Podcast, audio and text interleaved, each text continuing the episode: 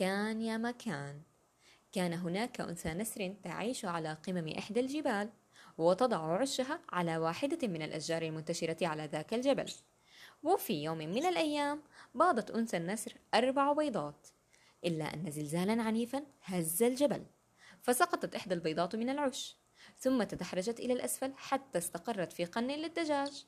فأخذتها إحدى الدجاجات واحتضنتها حتى فقست وخرج منها نسر صغير. ربت الدجاجات فرخ النسر مع فراخهن فبدأ يكبر مع فراخ الدجاج ويتعلم معها. وطوال هذا الوقت ظل يظن أنه دجاجة. وفي أحد الأيام كان النسر الصغير يلعب مع فراخ الدجاج في الساحة. فرأى مجموعة من النسور تحلق عاليا فتمنى لو أنه يستطيع الطيران مثلها. لكن الدجاجات بدأن بالسخرية والاستهزاء منه.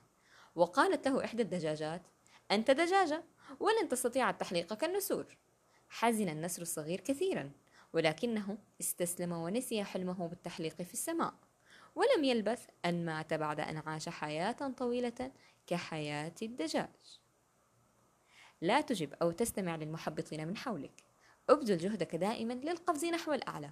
فالشخص الفاشل يود لو أن كل الناس مثله. لذلك يسعى لتدمير أحلامهم.